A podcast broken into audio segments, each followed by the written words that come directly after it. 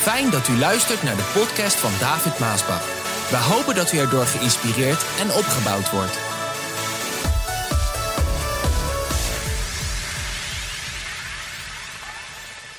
De titel van vandaag die luidt: Het is later dan je denkt. Het is later dan je denkt.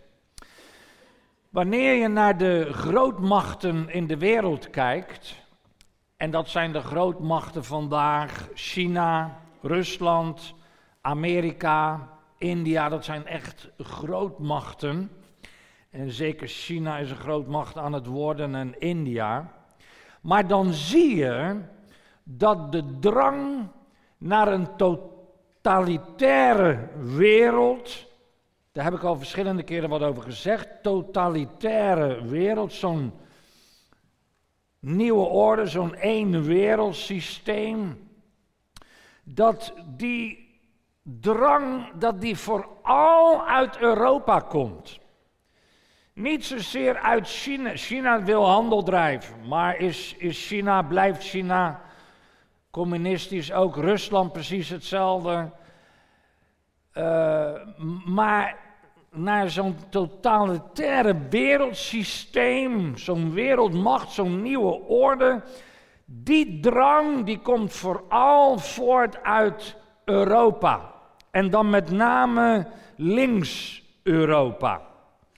En toen ik daarover nadacht, toen dacht ik bij mezelf, dat is eigenlijk helemaal niks nieuws. En u gaat het vanzelf beter begrijpen. En zeker in de tijd waarin we nu leven, ook als een tekst leest, dan gaat u het beter in context kunnen zetten dan jaren geleden, omdat alles in vervulling gaat. Het is niks nieuws, want het is altijd zo geweest. En dat heeft te maken met die aloude wereld, sterke wereldgeesten die er altijd zijn geweest. In het verleden hebben diezelfde aloude geesten, die machthebbers, waarvan Paulus zegt, we hebben niet te strijden tegen vlees en bloed, maar tegen overheden, tegen machten, tegen boze geesten der duisternis, die aloude machten, die aloude krachten, die hebben in het verleden ook geregeerd in zo'n totalitaire wereld. En nu is alles wel veranderd, door de eeuwen heen verandert alles. En, en leven we in een hele moderne tijd. Maar die geesten, die krachten, die aloude geesten en krachten, die wereldbeheersers der duisternis, die zijn niet veranderd.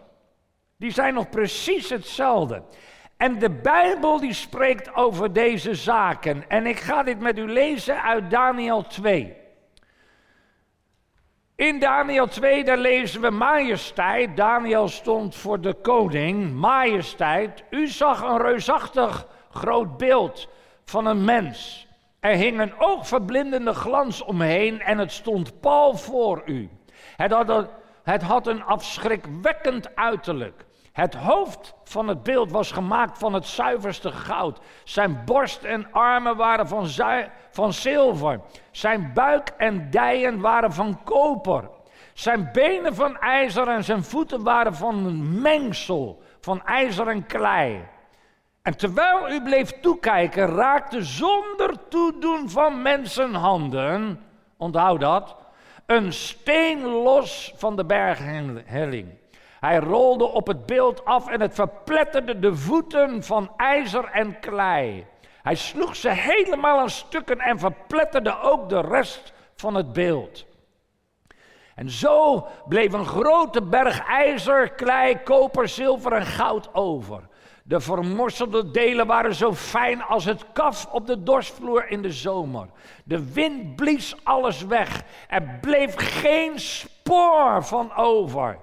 Maar de steen die het beeld had omvergeworpen groeide uit tot een grote berg die heel de aarde bedekte. En dit was uw droom.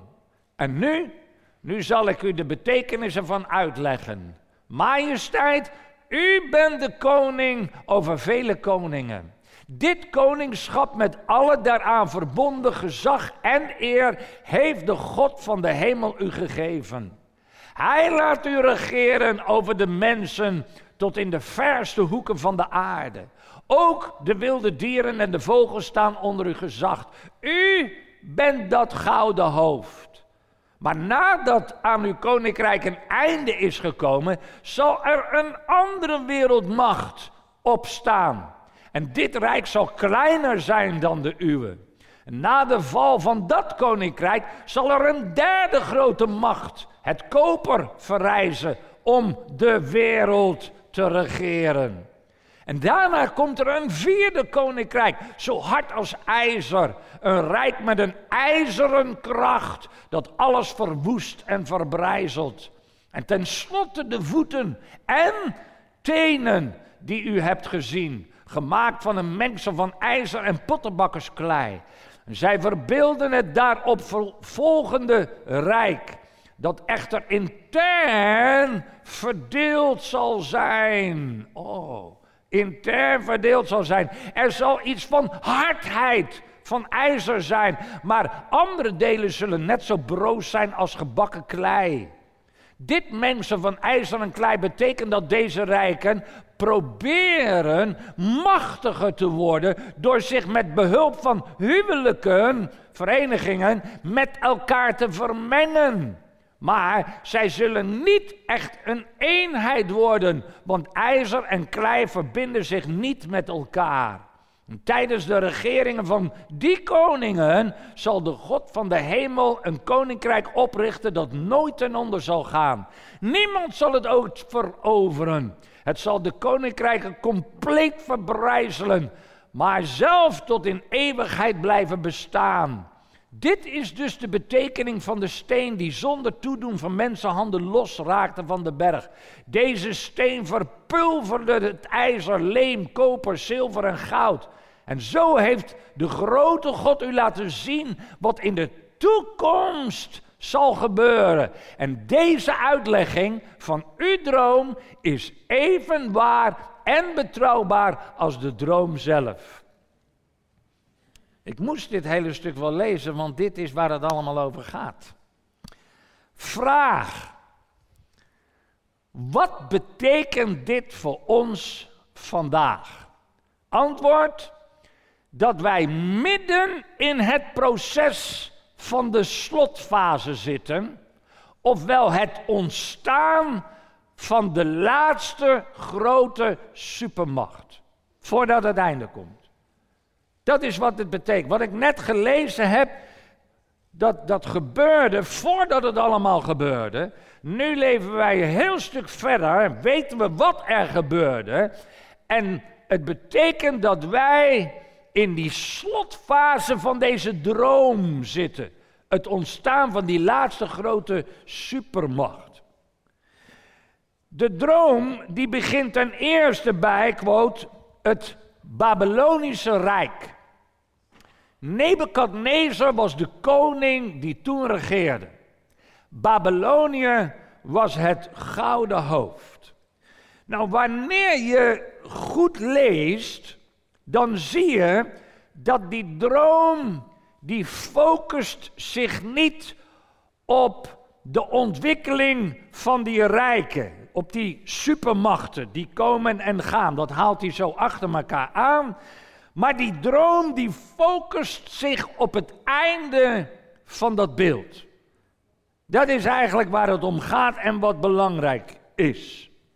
Nou, onze geschiedenisboeken, dus wat wij gewoon allemaal op school leren, die vertellen ons dat al die superrijken, die supermachten, uit deze droom zijn uitgekomen en uiteindelijk weer ergens zijn zalft, opgelost. Sommigen zijn omvergeworpen en daar gaan, daar gaan jaren dan overheen tussen het ene en het andere. Dan lost zich dat op en dan vormt zich een ander of het wordt omvergeworpen en dan komt er een nieuw koninkrijk. Het is allemaal volgens ook, dus niet alleen de Bijbel, maar volgens ook onze geschiedenisboeken, wat wij leren op school, is het allemaal gegaan zoals de droom van Nebukadnezar. Zoals God hier heeft laten zien aan Nebukadnezar en wat uitgelegd is door Daniel. Maar God zegt hier, die laatste supermacht, dus beneden aan dat beeld, die laatste supermacht, die lost niet zomaar op in het niks, zoals die andere koninkrijken daarvoor. God zegt in deze droom dat aan die laatste supermacht, daar maakt hij abrupt een einde aan. Dat gaat anders dan al die superrijken daarvoor. Daniel 2, vers 34.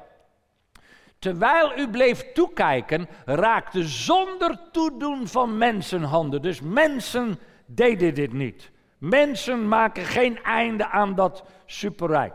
Zonder toedoen van mensenhanden. Een steen los van de berghelling.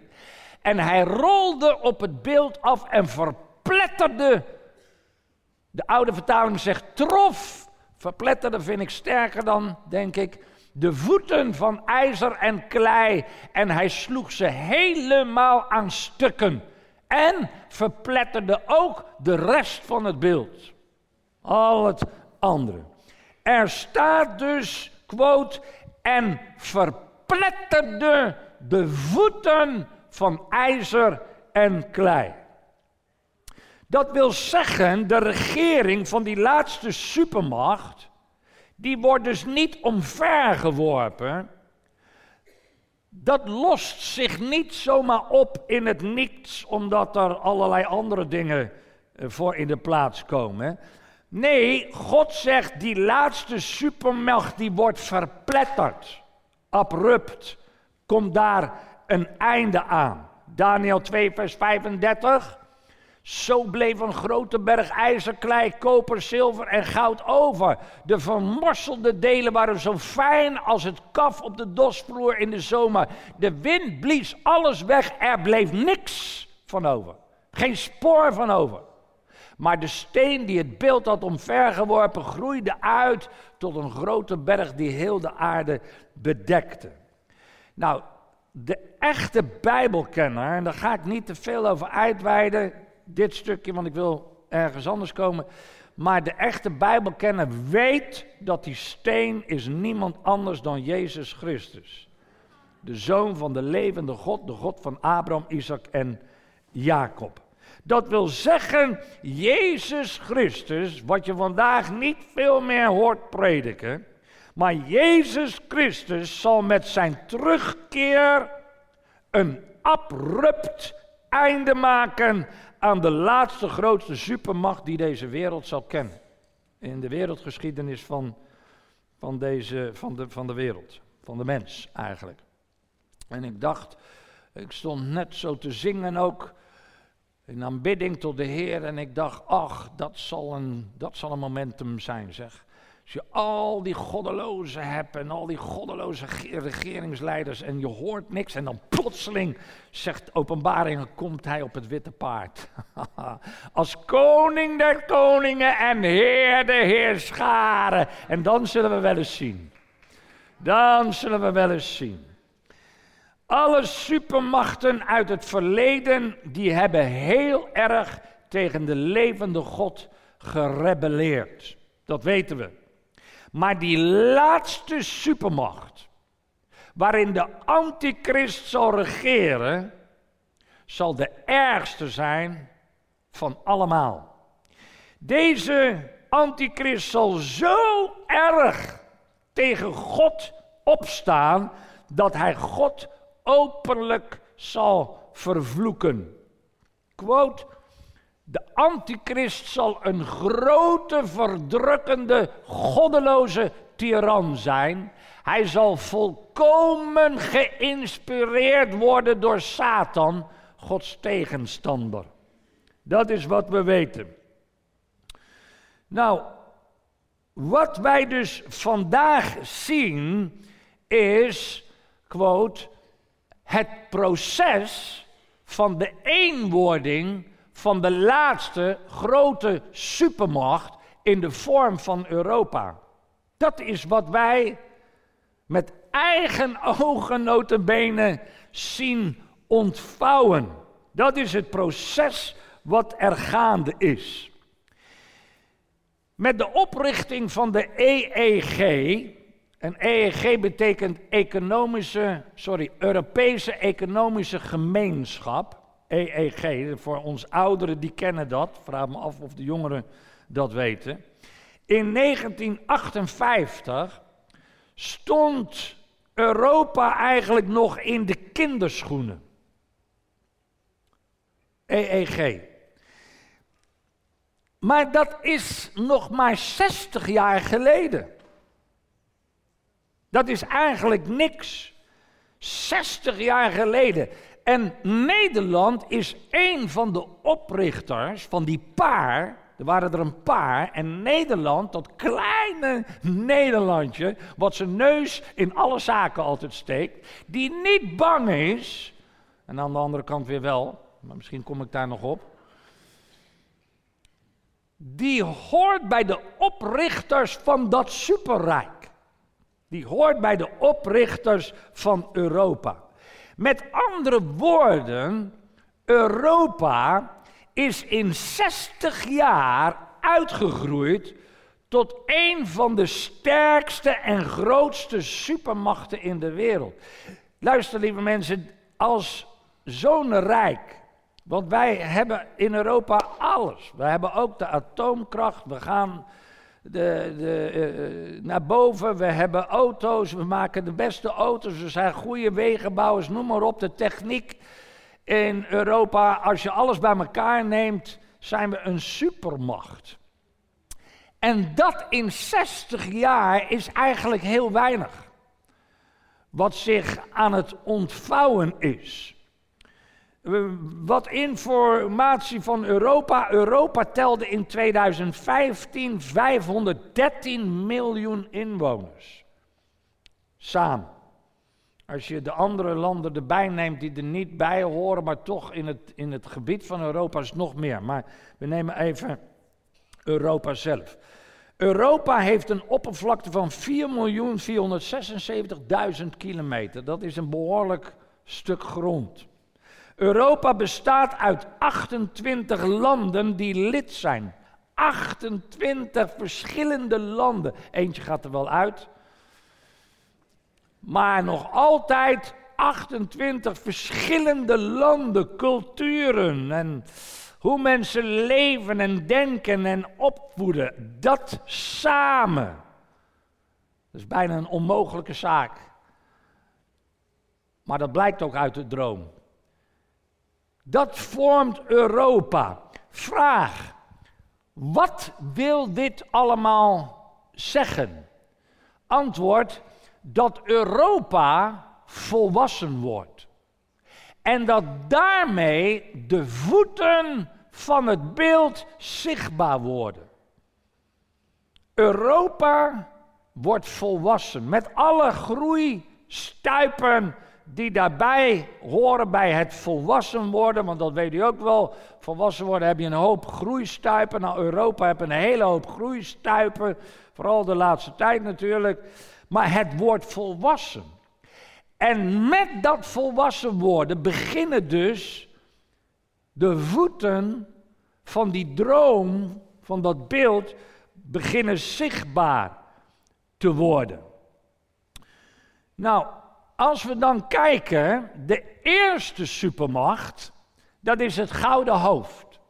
Dat is het Babylonische Rijk. Het is gekomen en gegaan. Dat was die droom. Dat was Nebukadnezar. Gouden hoofd. Babylonische Rijk. Volgens ook onze geschiedenisboeken, dus niet alleen, je hoeft het niet alleen te geloven omdat de Bijbel dat zegt, maar de geschiedenisboeken die zeggen dat dat rijk is gekomen. En het is ook weer de zalf, het is ook weer gegaan. De tweede supermacht, Dat is de borst en de armen van zilver. En dat is het Persische Rijk. Perzië is eigenlijk heel oud, hè? Wat nu eigenlijk ook Iran is. Oh, dat zou, daar zou ik ook weer zoveel dingen over kunnen zeggen. Verschrikkelijk hoe het eigenlijk vandaag is, vergeleken bij hoe het ook was voordat, voordat die knettergekke Ayatollahs aan de macht kwamen. Het zijn duivels, laat ik u dat wel vertellen. Het zijn duivels. En weet je wat nou het helemaal knettergekke is? Dat men liever met die duivels Iran in onderhandeling gaat dan met een Trump uit Amerika. Maar goed, dat is wel Persische Rijk. Dus je ziet hoe, hoe oud waar we over praten, hoe dat allemaal ontstaan, gevormd is en hoe het vandaag is. Als je dit gaat begrijpen, dan ga je ook veel meer begrijpen over de wereldsituatie, waar de wereld naartoe gaat, wat er aan de hand is in de wereld en dat het niet blijft zoals het is en ook van al die conflicten in het Midden-Oosten. Dus het Persische Rijk. Nou, het is gekomen en het is gegaan. Ook volgens onze geschiedenisboeken. De derde supermacht, dat zijn de buik en de lendenen, de dijen van koper. En dat is het Griekse Rijk. Nou, het Griekse Rijk, daar kunnen we ook zo'n boodschap over brengen. Dat heb je op school ook gehad. Uh, het Griekse Rijk. Maar het is gekomen en het is gegaan. Als je ook naar de lijnen kijkt van deze rijken, je kan op het internet ook een hoop vinden over als je zegt, uh, wat was het, hoe groot was het Babylonische Rijk, hoe groot was het Persische Rijk, hoe groot was het Griekse Rijk, dan zie je iets heel frappants. Je ziet dat het allemaal op bijna hetzelfde, niet exact, maar bijna hetzelfde grondgebied van de wereld is. Laat ik even verder gaan. De vierde supermacht, dat zijn de benen van ijzer. Dat is het Romeinse Rijk. Dat was 2000 jaar geleden. Is ook alweer duizenden jaren, maar nog niet eens zo lang geleden, 2000 jaar geleden. Het Romeinse Rijk is opgekomen en het is ten onder gegaan. En daarna heb je, heb je allerlei verschillende dingen gehad, maar geen superrijk had je. Geen groot superrijk. Nou, en de vijfde supermacht, volgens dus God die dat aan Nebukadnezar heeft gegeven, dat zijn de voeten en de tenen. En die zijn van ijzer en klei. Dat is het Europese Rijk. Het kan niet anders dan dat het is. Op hetzelfde grondgebied. Het, het is ontstaan door de vermenging van landen die zich, zeg maar, verenigd hebben in het huwelijk, Europese huwelijk, zijn, hebben wij ons verenigd. En ja, en dat is hier en nu vandaag in wording aan het komen. Ongelooflijk. Wij hebben ons verenigd als verschillende landen. Frankrijk en Duitsland en Spanje en Italië en Nederland. Noem ze alle 28 maar op. En we hebben ons verenigd in die ene euro die ons zo gezegd samenbindt. Maar luister lieve mensen, een Fransman wordt nooit een Engelsman. Dat kan je wel vergeten. En een Engelsman, die hebben al eeuwen oorlogen eigenlijk. Maar een Nederlander zal ook nooit een Duitser worden en een Duitser Nederlander. Ik zou je vertellen, nee, we zijn verenigd in het huwelijk met elkaar. Door de vermenging van de euro, de economische samen zijn en, en bedelen dingen. Maar wij zijn niet één. We zullen ook nooit één worden. Nou, en in rap tempo vandaag, hè, want het gaat steeds sneller, dat eenwordingsproces, dat gaat steeds sneller dan toen het in 1958 begon.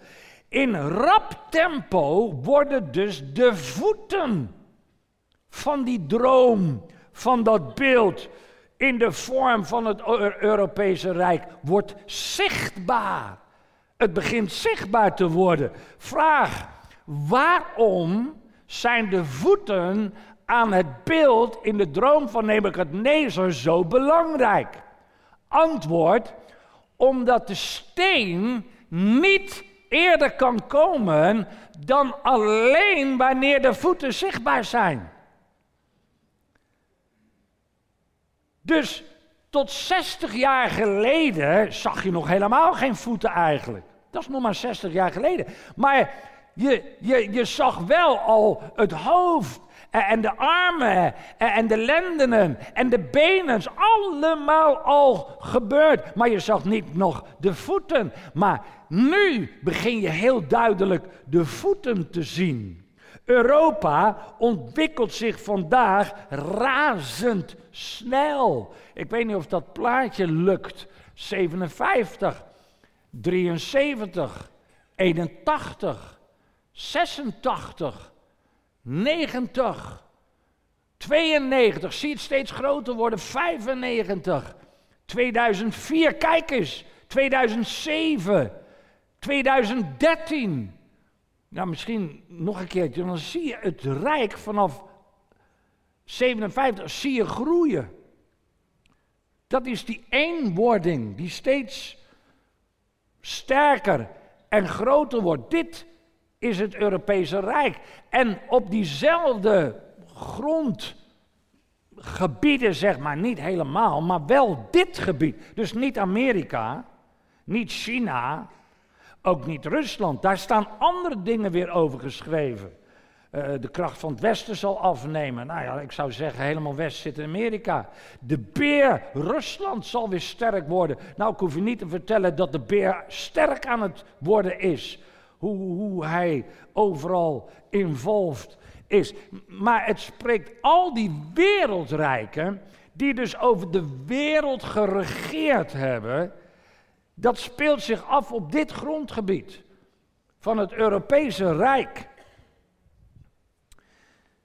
Al die moeilijkheden en de problemen, zoals de brexit, ach mensen, wat een toestanden uh, eigenlijk, maar ook die klimaatcrisis enzovoort van vandaag, die bevorderen alleen maar de eenheid van dat rijk.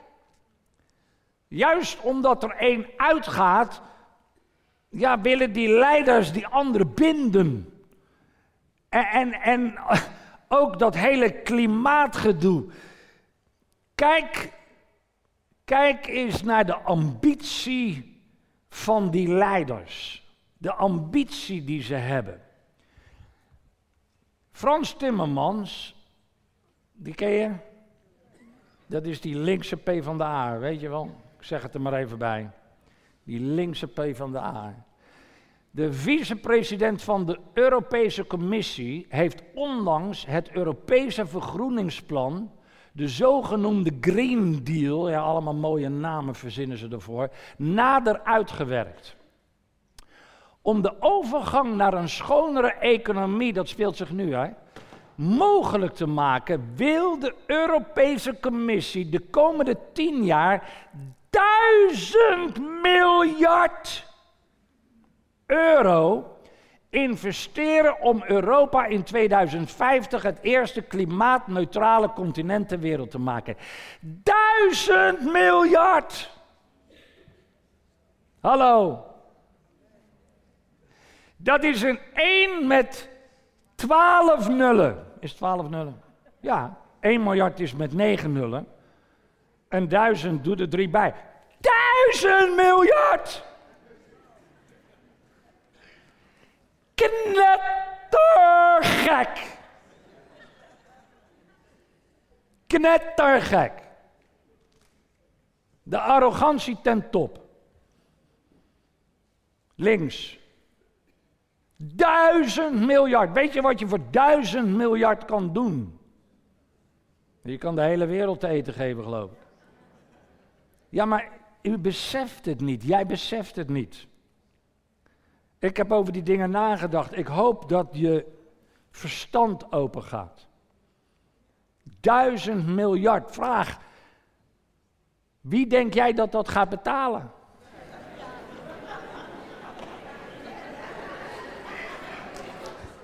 Antwoord.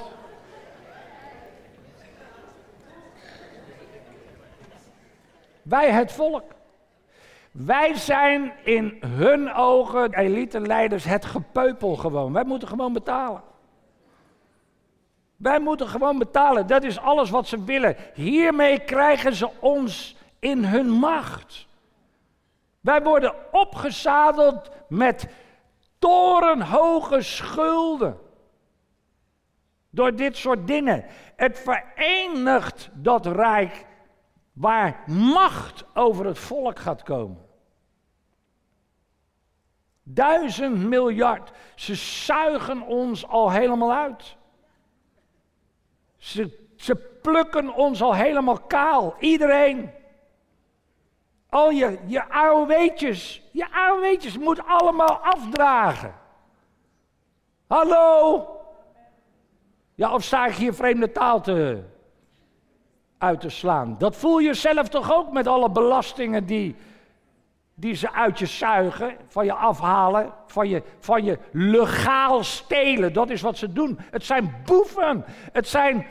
Ah, mijn hart.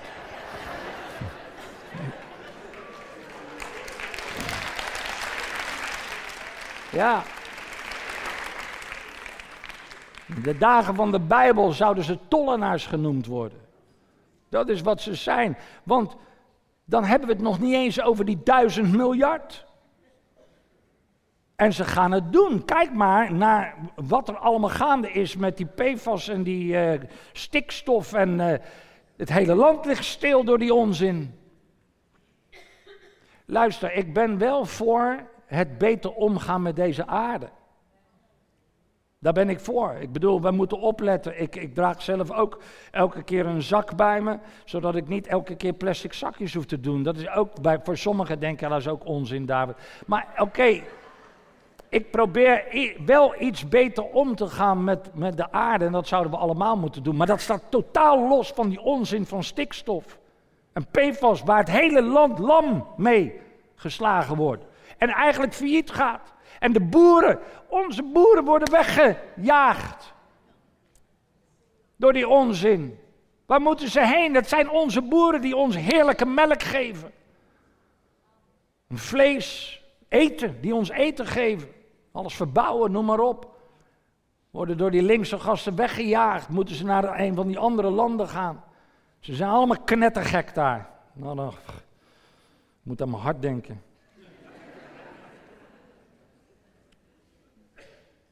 Maar wij gaan het betalen, onthoud dat wat ik u zeg. En daarmee krijgen ze macht. Ik ben jaloers op Engeland.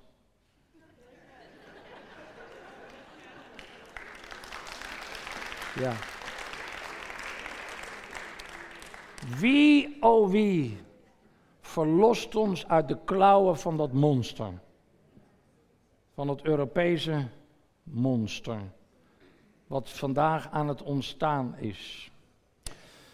Nou, hoewel er vandaag nog heel wat landen tegenstribbelen in die supermacht en hun identiteit proberen te waarborgen, want dat is eigenlijk de wrijving die je overal voelt. Ze proberen nog steeds tegen te stribbelen en, en hun identiteit proberen ze te bewaren. En er zijn er ook een aantal in Nederland die dat graag uh, willen natuurlijk. Ik zou dat ook wel willen.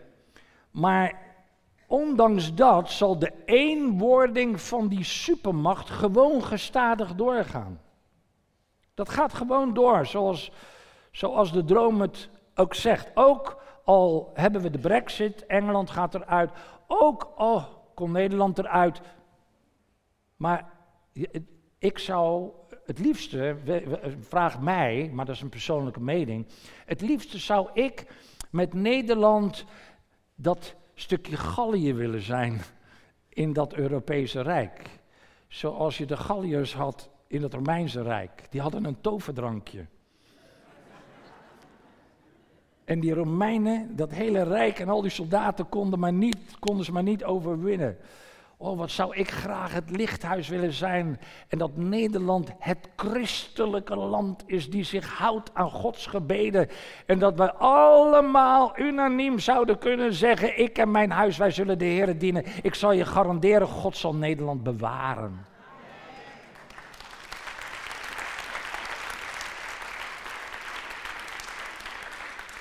Het is niet zo, maar wat niet is, zou kunnen komen.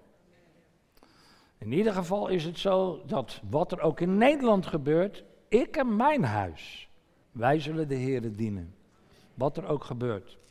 Maar dat gaat gewoon gestadig door. Dus wat voor groeistuipen of pijnen of dingen nog gebeuren, wat het nieuws ook zegt, en alsjeblieft luister niet te veel meer naar dat nieuws. Het is allemaal links, het is allemaal framework. Je wordt bedrogen en je wordt gemanipuleerd. Ook die hele talkshows allemaal. Ach, als je op gaat letten, dan ga je het in kleine details zien hoe links het allemaal is. Hoe geïndoctrineerd en gemanipuleerd de mensen ook worden. Luister er alsjeblieft niet te veel meer naar. Maar de brexit houdt dat eenwoningsproces niet tegen. En wat er ook nog gebeurt. Het is allemaal politiek. En dan moet je een beetje wat van politiek af weten. En dat wil zeggen, wij het volk, wij zijn gewoon het gepeupel. En de elite van het Binnenhof en Brussel, de hoofdstad van, dat, van die supermacht, die gaan gewoon door met het smeden van hun plannen en hun wetten. Dat gaat gewoon door wat er ook gebeurt, want die droom die gaat uitkomen.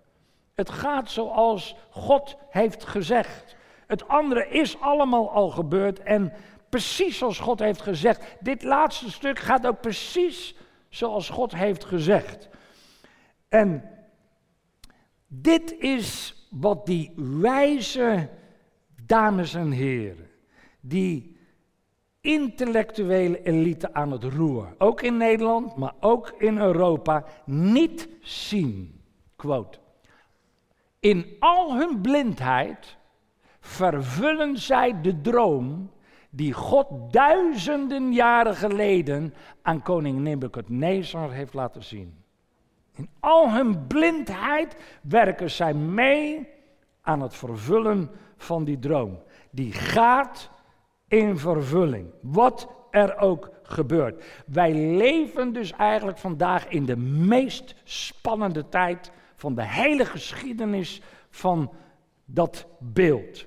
Vraag: wanneer zal de steen die zonder toedoen van mensenhanden losraken en het beeld treffen? Wanneer, met andere woorden voor ons christenen, wanneer zal Jezus wederkomen? Antwoord: Daniel 2. Tijdens de regeringen van die koningen zal de God van de hemel een koninkrijk oprichten dat nooit ten onder zal gaan. Niemand zal het ooit veroveren. Het zal die koninkrijken compleet verbrijzelen, maar zelf tot in eeuwigheid bestaan.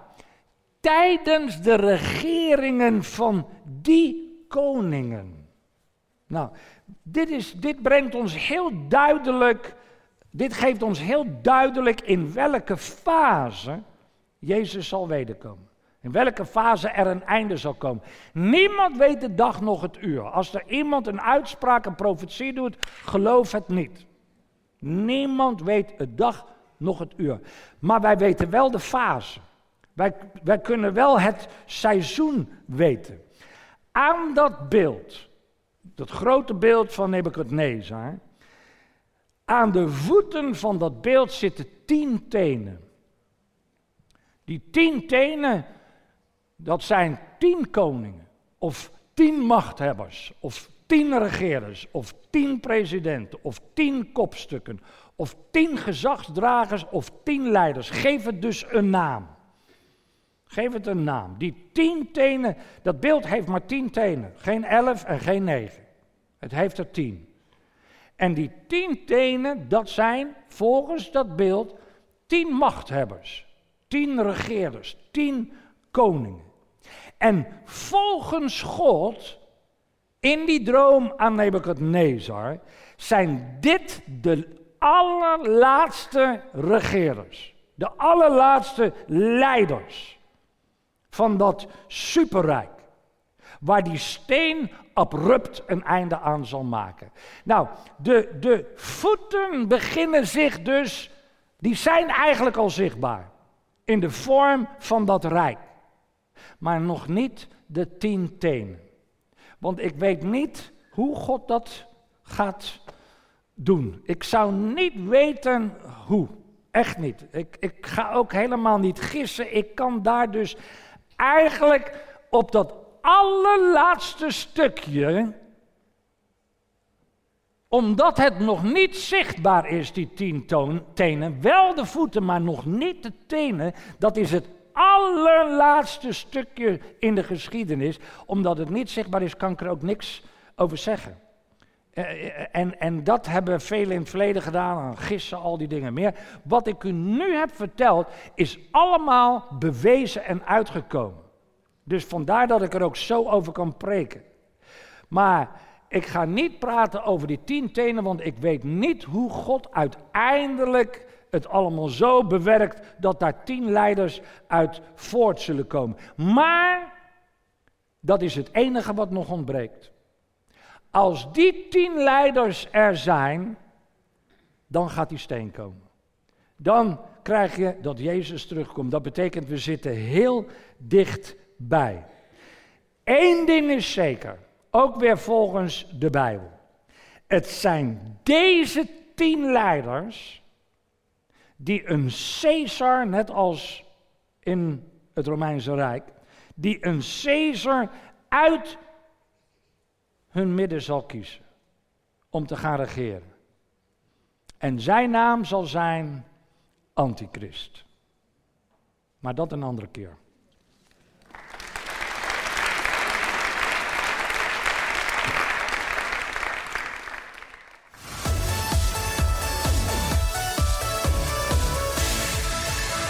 Bedankt voor het luisteren naar deze podcast.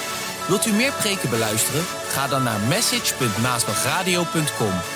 Bezoek ook eens onze website www.maasbach.nl.